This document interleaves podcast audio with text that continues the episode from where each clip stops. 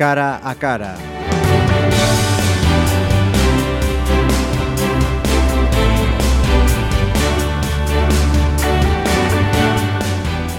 Saludos, eh, tenemos una invitada, no dos, aunque mm, igual, igual, sí, igual vamos a escuchar a las dos, eh, pero nuestra invitada eh, es Maru Pardal, acaba de ser nombrada secretaria general de las Juventudes del PP Europeo. Bienvenida. Muchas gracias.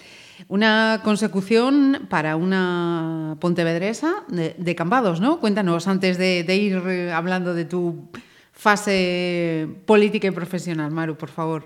Pues sí, yo nací en Cambados, viví allí gran parte de mi vida. Después me trasladé a Vigo para estudiar y digamos que, aunque siempre he viajado desde allí, mi punto de referencia ahora mismo es Vigo. Aunque últimamente por cuestiones laborales, familiares, etcétera, hay un triángulo un poco entre Vigo, Madrid, ahora Bruselas.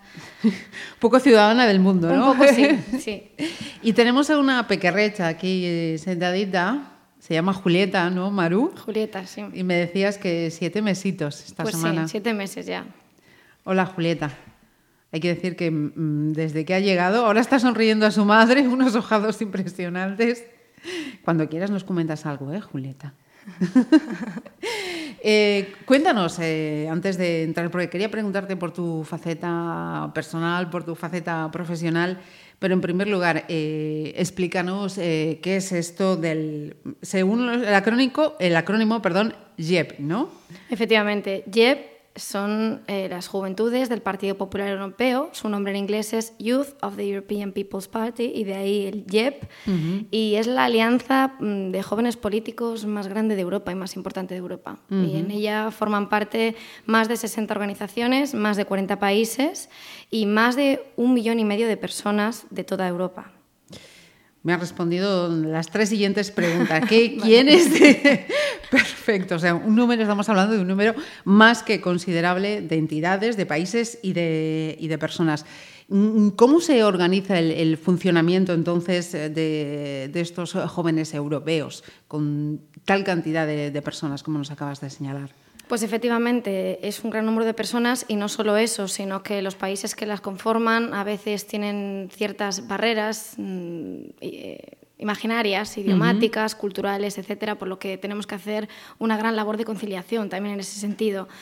Eh, como decía antes, estamos más de 60 países representados, con lo cual las organizaciones, digamos, de cada país, las principales organizaciones del centro derecha de toda Europa de jóvenes eh, están representadas allí y cada una de ellas pues tiene su voz eh, en la organización. Y ahora pues con el nuevo mandato tratar- trataremos de que la organización sea mucho más cercana y de ayudarles mm, a digamos, luchar contra todo aquello, lo que tengan que luchar en sus países, además del contexto de la Unión contexto Europea. europeo. ¿Y, y qué supone? ¿Qué, ¿Qué responsabilidades tiene este cargo de secretaria general? ¿Qué implica? Pues la secretaria general, digamos que mm, pues tiene que tener mano derecha y mano izquierda, como se suele decir, porque bueno, es, un- es una posición muy importante dentro de la organización. Eh, estaría pues mano a mano con el presidente, que ha sido Andrianos Janú, mi compañero mm, representando a la organización, a la organización perdón, rumana, y junto a él pues nos encargamos, digamos, de, pues, de gestionar todo este, este gran grupo, numeroso nu- grupo de, de personas. Ujú. Eh, estamos hablando de, de una franja de edad, eh, no voy a decir que ya es el, el futuro de la Unión, sino que Es, el presente. presente, digamos. efectivamente. ¿no? Efectivamente. Eh, la franja de edad va hasta los 35 años. Normalmente en esta organización eh, los que somos más activos, digamos, tenemos entre los 30 y 35 años. Y bueno, pues porque digamos que es gente que ya tiene algún tipo de experiencia en sus organizaciones previas eh, y es la organización política oficial del Partido Popular Europeo. El. Partido Popular Europeo también tiene una organización de estudiantes que se llama EDS, que ahí estarían recogidos pues a lo mejor los que son un poco más y comienzan todavía interesándose pues sobre todo por los temas universitarios, eh, políticas de juventud. Ujú. Leía eh, a, raíz, de ese congreso que venís de celebrar y estos eh, nombramientos que mm, tenéis perfectamente identificados cuatro o cinco objetivos fundamentales, ¿no? Mm, que entiendo además que, que no son nada sencillos de atajar. Estamos hablando de, problemas de terrorismo internacional, estamos eh, planteando el futuro de, la Unión eh, Europea. Em, estamos en un contexto mm, complejo para el ciudadano europeo. Muy complejo, muy complejo. Mm, la Unión Europea necesita ser más cercana todavía al ciudadano, porque a veces es difícil explicarle al ciudadano que no llega a fin de mes con su nómina o no, no puede pagar la hipoteca, pues es difícil explicarle lo que está pasando en Europa, cuando parece que no es que no le importe, sino que no tiene margen en su vida diaria para que, para que eso le importe. Entonces, digamos que el contexto europeo ahora mismo es muy desafiante, tenemos muchos retos importantes, pero con la cercanía y el abordaje, como siempre repito, de manera conjunta, creo que es posible garantizar el futuro de la Unión. Eh, ¿Veis? Julieta está, está apuntando. Esta es la voz del futuro europeo. Eh, Maru, eh, por tanto, ese mensaje que acabas de dar em, no es optimismo, es, realista. Sí, yo me considero una persona optimista, pero sobre todo hay que ser realista también. Ahora mismo el contexto mm, pues no es exactamente lo que, lo que esperábamos o lo que queríamos. Entonces, pues digamos que tenemos que trabajar y siempre hemos salido de todas las crisis hasta ahora, en más de 60 años de, proyecto de construcción europea, siempre hemos salido de las crisis de manera mm, reforzada incluso, con lo cual hay que tratar de sacar lo positivo del contexto eh, actual en que estamos. Porque eh, son eh, frentes completamente diferentes. Vamos a acercar a Julieta, que creo que también quiere apuntar algo. Es lógico, la tenemos aquí sentada en su sillita y dirá, yo también quiero mi, espacio. decía, ¿qué, puede resultar en ese cargo que, ahora ocupas más, más complejo? ¿no? conseguir que se supere ese recelo, esa falta de credibilidad en el, en el entorno europeo o mantenerse fuerte contra esa amenaza que nos viene de fuera, como es el, terrorismo yihadista, por ejemplo? Pues eh, en cuanto a mantenerse fuerte, está costando un poquito, está costando, a pesar de que la Unión Europea, las directrices que, o la imagen que trata de, emitir es una imagen conjunta y coordinada, no siempre ha sido posible, con lo cual tenemos que seguir trabajando mucho para que los Estados miembros mm, soberanos traten de, digamos, eh, anteponer el bien de todos los 27, ya 27, antes que una solución unilateral que puede ser que en un momento concreto funcione, en un momento de urgencia, pero a la larga solo, solamente de la manera conjunta logrará pues, reforzarnos. Y para la derecha, para las formaciones eh, políticas eh, conservadoras, también es un momento difícil en, España, lógicamente, con la que está cayendo, imagino que no es un momento sencillo, pero en el contexto europeo, ¿no? con los movimientos eh, que están surgiendo. Tenemos Francia ahora mismo en, pleno contexto electoral. ¿Cómo lo veis? Yo creo que es un momento difícil para todos, izquierdas, derechas, centro, arriba y abajo. Es decir, creo que es un momento en el que tenemos que dejar un poco de lado las creencias políticas, por así decirlo, y pensar en el bien común porque al final, independientemente de la, ideología que tengamos, todos queremos lo mismo, que es garantizar nuestra seguridad y la continuidad, ya no a lo mejor de, la Unión Europea para los escépticos, pero sí de, los ciudadanos, en, una prosperidad y en, un momento pues, de seguridad.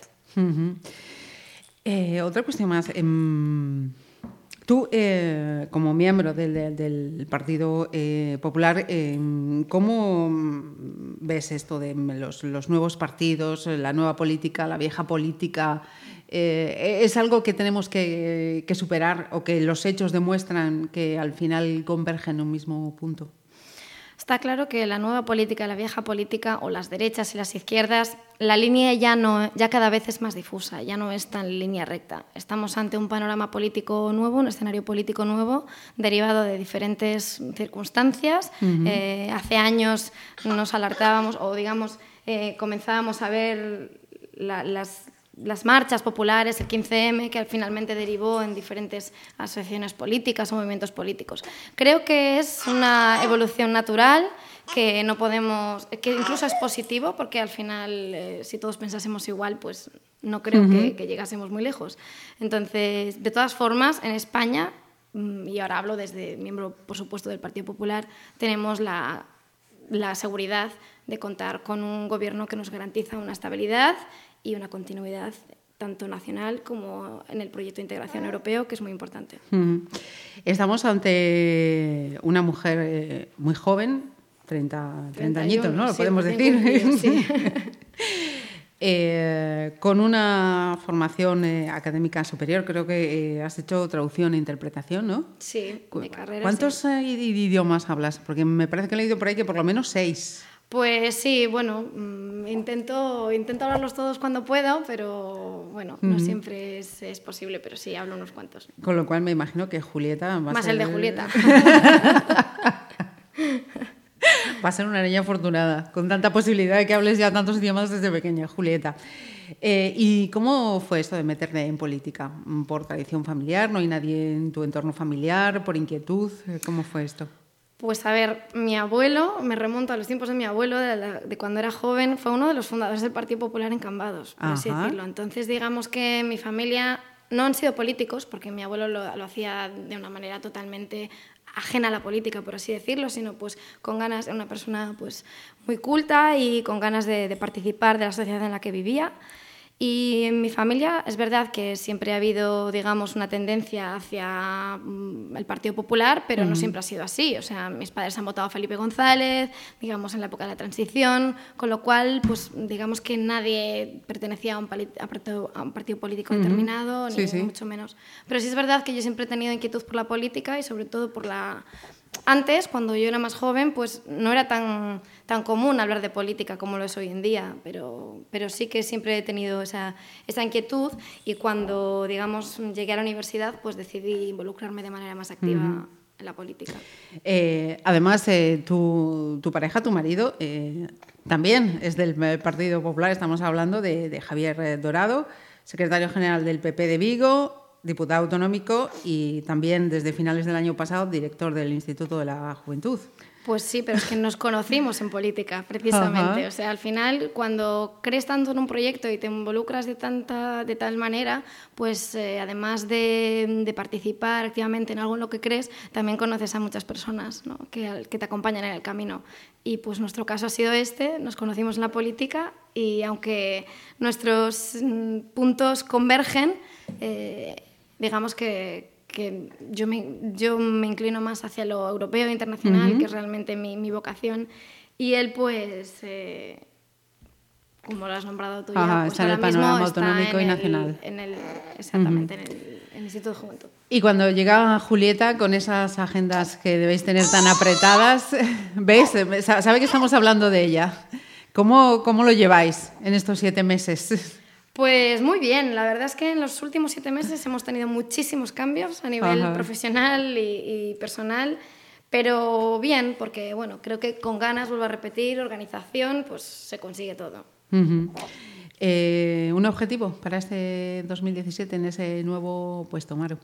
Pues ser feliz, sobre todo. Eh, ser feliz en el ámbito personal, combinando lo, personal y laboral.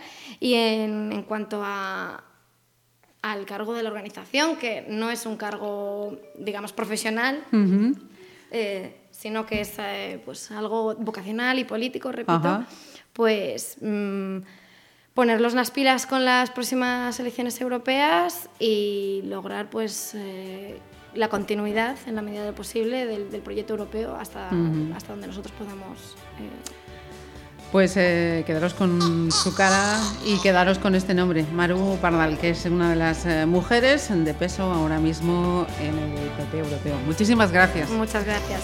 Gracias.